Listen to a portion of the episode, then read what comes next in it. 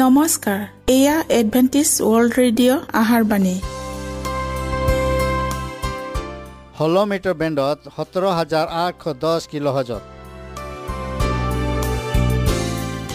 Adventist world radio যোগে অসমীয়া ভাষাত প্ৰচাৰিত আহাৰবাণী প্ৰত্যেক বুধবাৰ আৰু দেওবাৰ সন্ধিয়া সাত বজাত আহাৰবাণী শুনাৰ পিছত আপোনালোকৰ কিবা মন্তব্য আৰু প্ৰশ্ন থাকিলে আমালৈ এই ঠিকনাত লিখক। আমাৰ ঠিকনাটি হৈছে adventist world radio' seven day adventist মণ্ডলী অসম শাখা লতাকাটা বশিষ্ঠ গুৱাহাটী সাত আঠ এক শূন্য দুই ন।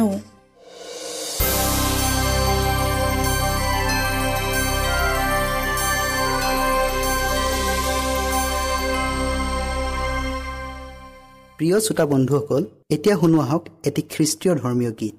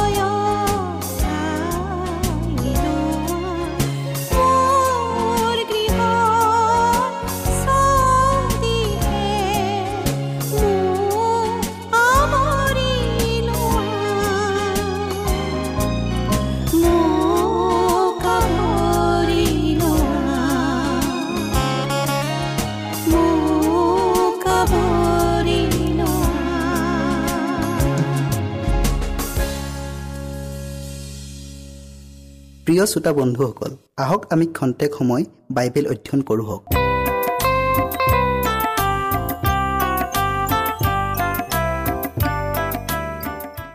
আজি আমি মোহৰ বা চাপ মাৰা আৰু শেহতীয়া বৰষুণৰ বিষয়ে অধ্যয়ন কৰোঁ হওক।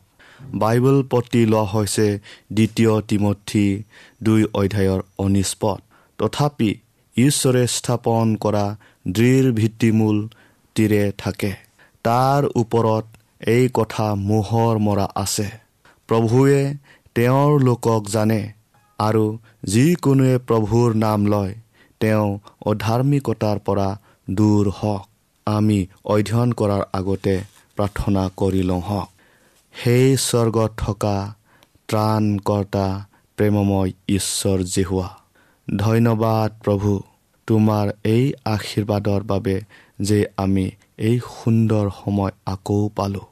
প্ৰভু দিনে দিনে যেনেকৈ আমি এই বাইবল অধ্যয়ন কৰিছোঁ আজিও তুমি আমাৰ লগত থাকা। আমি যেন মোহৰ বা চাপ কাক মাৰিব আৰু শেহতীয়া বৰষুণ কোনে পাব ইয়াৰ বিষয়ে যেন ভালদৰে অধ্যয়ন কৰি জ্ঞান আৰু বুদ্ধিৰে হৃদয়ৰ ভৰুৱাই লওঁ। তেনে তুমি আমাক আশীৰ্বাদ দান কৰা। প্ৰত্যেক শ্ৰোতাৰ লগত তুমি থাকা। এই চুটি যাচনা ত্ৰাণকৰ্তা প্ৰভু যীশুখ্ৰীষ্টৰ নামত খুজিলোঁ। আমেন। কাম অন্ত পৰাৰ আগে আগে ঈশ্বৰৰ লোকসকলক মোহৰ বা চাপ মাৰাৰ কামো শেষ হ'ব।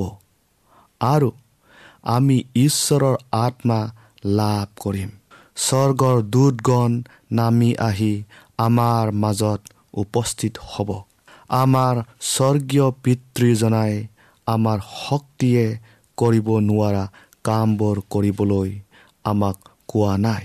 তেওঁ ইচ্ছা কৰে যাতে তেওঁৰ লোকসকলে নিজৰ শক্তি অনুযায়ী আন্তৰিকতাৰে তেওঁবিলাকৰ প্ৰতি থকা উদ্দেশ্যসমূহক কাৰ্যকাৰী কৰে। শক্তি পাবলৈ তেওঁবিলাকে প্ৰাৰ্থনা কৰিব লাগিব। শক্তি খুজিলেহে শক্তি পাব। খ্ৰীষ্টত এজন পৰিপূৰ্ণ সম্পূৰ্ণ পুৰুষ আৰু নাৰী হ'বলৈ বাঢ়িবলৈ তেওঁবিলাকক এই শক্তিৰ প্ৰয়োজন হ'ব। মণ্ডলীৰ সকলো শৈভ বা শৈভাই নিজৰ ধৰ্মপৰায়ণতাৰ ক্ষেত্ৰত সজাগ নহয়। তাৰ কাৰণে তেওঁবিলাকৰ ব্যক্তিগত দায়িত্বক তেওঁবিলাকে বুজি নাপায়। তেওঁবিলাকে উপলব্ধি নকৰে যে খ্ৰীষ্টানৰ সম্পূৰ্ণতাক পাবলৈ তেওঁবিলাকে খ্ৰীষ্টানৰ মানদণ্ডতাক বজাই ৰাখিবলৈ সুবিধা পোৱাটো তেওঁবিলাকৰ বাবে অগ্ৰাধিকাৰ। সেই শেহতীয়া বৰষুণলৈ আমি বাট চাই আছোনে? যেতিয়া মণ্ডলী পবিত্ৰ আত্মাৰ শক্তিৰে পৰিপূৰ্ণ হৈ তাইৰ কৰ্তব্য পালন কৰিবলৈ সমৰ্থ হ'ব এনে শুভদিন পাম বুলি আমি দৃঢ় বিশ্বাস আছেনে? যিসকলে ঈশ্বৰৰ শক্তি পায়ো একো নকৰাকৈ শুই থাকে। এনে এলেহুৱা মানুহে শেহতীয়া বৰষুণৰ দ্বাৰা কেতিয়াও সজীৱ নহ'ব আৰু তাৰ দ্বাৰা লাভৱান হ'ব নোৱাৰিব। আত্মিক জীৱন শক্তিশালী আৰু পৰিপক্ক কৰিব পৰা শুদ্ধ আৰু জীৱন সঞ্জীৱনীৰ বাতাৱৰণ আমাৰ বাবে খুবেই প্ৰয়োজন। অতি বিনম্ৰ আৰু আন্তৰিকতাপূৰ্ণ স্বভাৱ আমাক লাগে। যি পবিত্ৰ বাণী আমাক অৰ্পণ কৰা হ'ল। তাক অতি উৎসাহেৰে জগতত প্ৰচাৰ কৰিব লাগিব।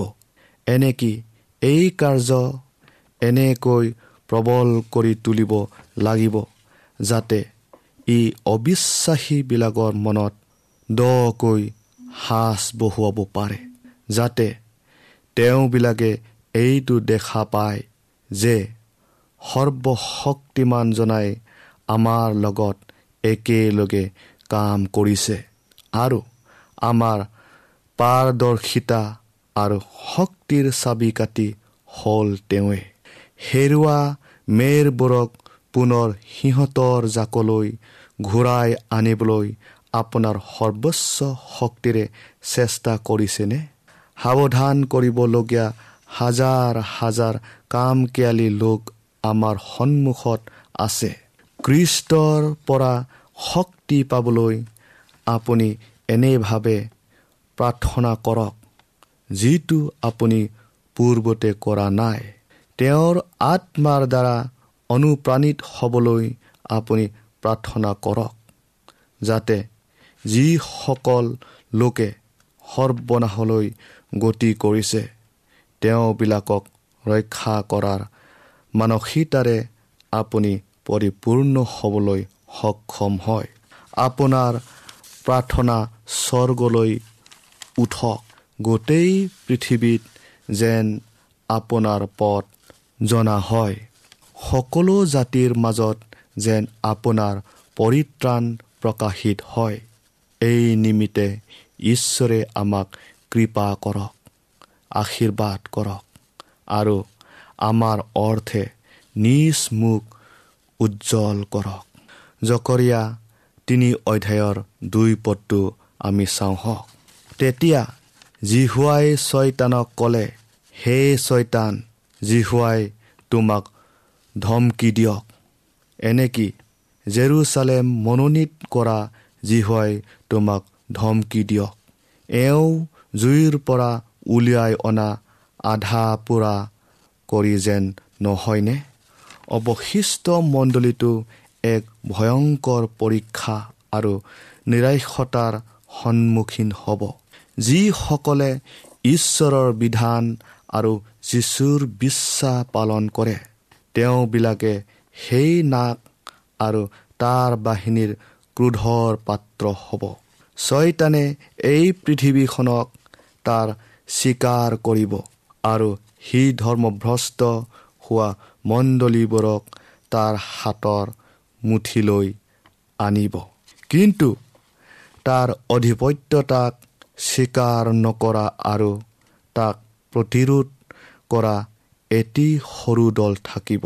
যদি সি এই সৰু দলটিক পৃথিৱীৰ পৰা সাৰি পেলাই তাৰ চিন নাইকিয়া কৰিব পাৰে তেন্তে তাৰ বিজয়োল্লাস সম্পূৰ্ণ হ'ব। ইজৰাইল জাতিটোক ধ্বংস কৰিবলৈ সি যেনেকৈ পৰজাতীয় প্ৰতিমা পূজকসকলক উচতাইছিল ঠিক তেনেকৈ ঈশ্বৰৰ লোকসকলক ধ্বংস কৰিবলৈ অদূৰ ভৱিষ্যতে সি জগতৰ অসৎ শক্তিবোৰক উত্তেজিত কৰিব। ঐশ্বৰিক বিধান উলংঘন কৰিবলৈ সকলোৱে মানুহৰ নীতি আৰু পৰম্পৰা আৰু আদে পালন কৰিবলৈ বাধ্য হ'ব। যিসকলে ঈশ্বৰৰ প্ৰতি আৰু নিজ দায়িত্বৰ প্ৰতি সত্যবাদী হৈ থাকিব তেওঁবিলাকৰ মৃত্যুৰ ভাবুকি দিয়া হ'ব। প্ৰকাশ্যে নিন্দা কৰা হ'ব আৰু সৰ্বনাশৰ তালিকাত তেওঁবিলাকৰ নাম অন্তৰ্ভুক্ত কৰা হ'ব। তেওঁবিলাকৰ পিতৃ মাতৃ ভাই বন্ধু আৰু আত্মীয় স্বজনে তেওঁবিলাকক বিশ্বাসঘাতক কৰি শত্ৰুৰ হাতত সোধাই দিব। তেওঁবিলাকৰ একমাত্ৰ আশাৰ হ'ল ঈশ্বৰৰ কৰোণা। তেওঁবিলাকৰ একমাত্ৰ ৰক্ষাৰ উপায় হ'ল প্ৰাৰ্থনা। যীশু চোৱাই স্বৰ্গদূতৰ আগত যেনেকৈ প্ৰাৰ্থনা কৰিছিল তেনেকৈ অৱশিষ্ট মণ্ডলীও ভগ্ন চিত্তেৰে আৰু বিনম্ৰতা আৰু বিশ্বাসেৰে যীশুৰ যোগেদি ক্ষমা আৰু উদ্ধাৰ পাবলৈ প্ৰাৰ্থনা কৰিব লাগিব।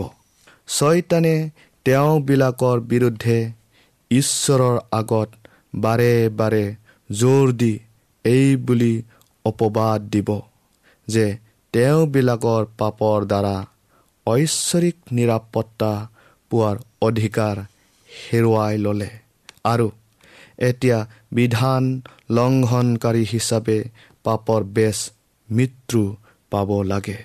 প্ৰিয় শ্ৰোতা বন্ধুসকল কিন্তু কৃষ্টৰ অনুসৰণকাৰীসকলে পাপ কৰি পোৱা সময়টো নিজকে ছয়তানৰ হাতত এৰি নিদিলে।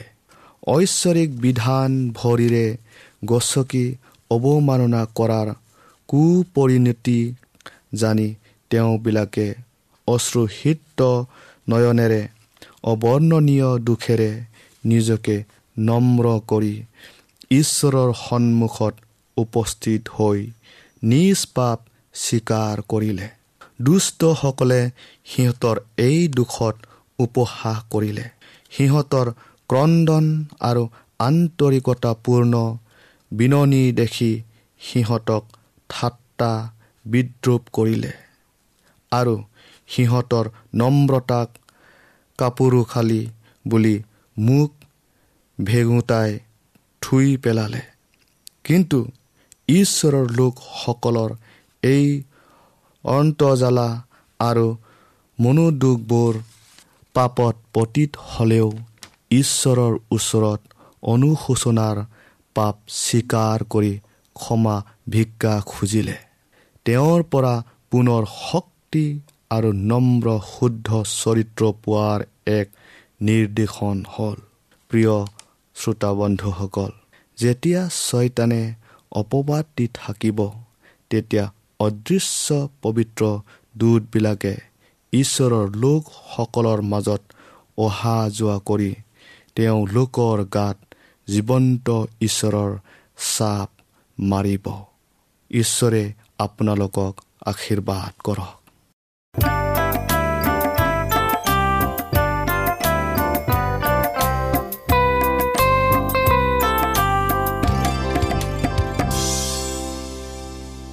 ইমানপৰে আমি বাইবেল অধ্যয়ন কৰিলোঁ এতিয়া আকৌ শুনো আহক এটি খ্ৰীষ্টীয় ধৰ্মীয় গীত।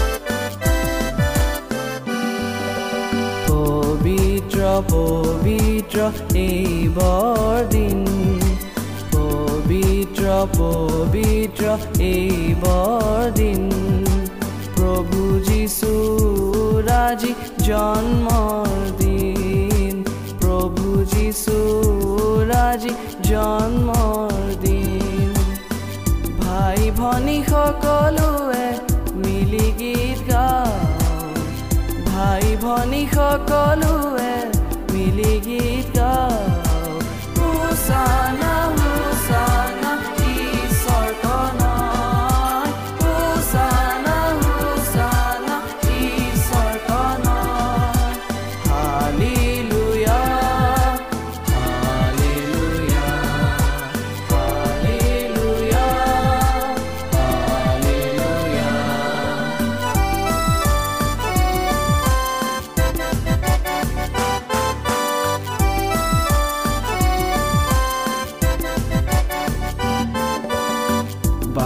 পথে প্ৰতি ঘৰে তৰাবোৰ জিলিকিছে ৰঙা নীলা পোচাকেৰে শিশুবোৰে হাঁহিছে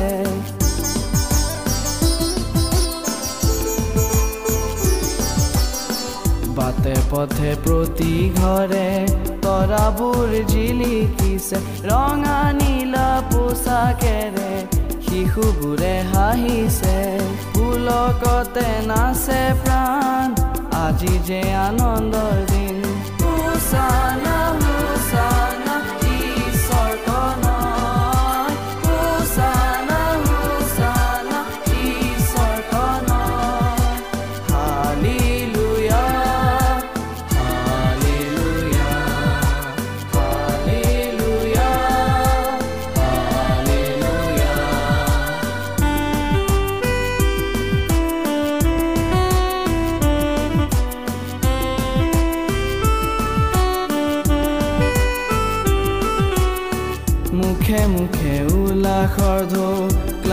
ক্লান্তিৰ অৱসান প্ৰীতিৰো লগ বৰষে প্ৰেমৰ আলিংগন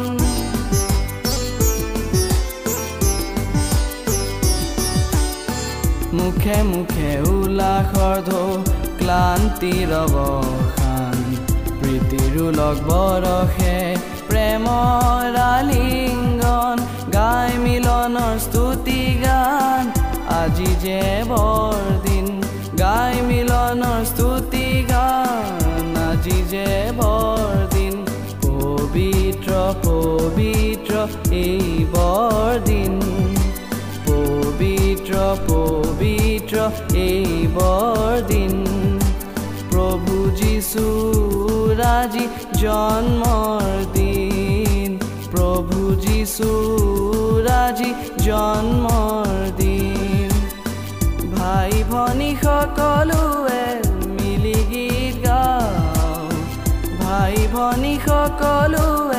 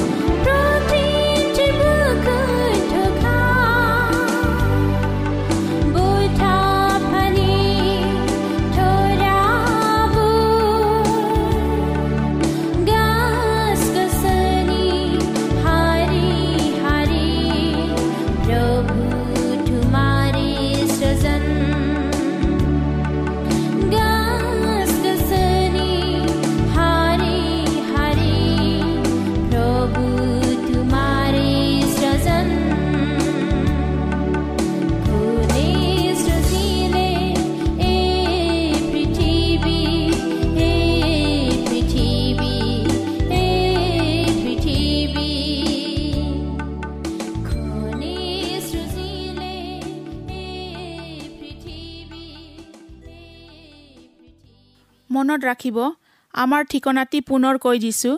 Adventist world radio' Assam region of seven day adventist voice of hope Latakata Basistha Guwahati seven eight one zero' two nine প্ৰিয় শ্ৰোতা বন্ধুসকল এডভেণ্টিজ ৱৰ্ল্ড ৰেডিঅ' যোগে আহাৰবাণী প্ৰচাৰত আপোনালোকক পুনৰ লগ পোৱাৰ আহাৰে আজিলৈ সামৰিলোঁ।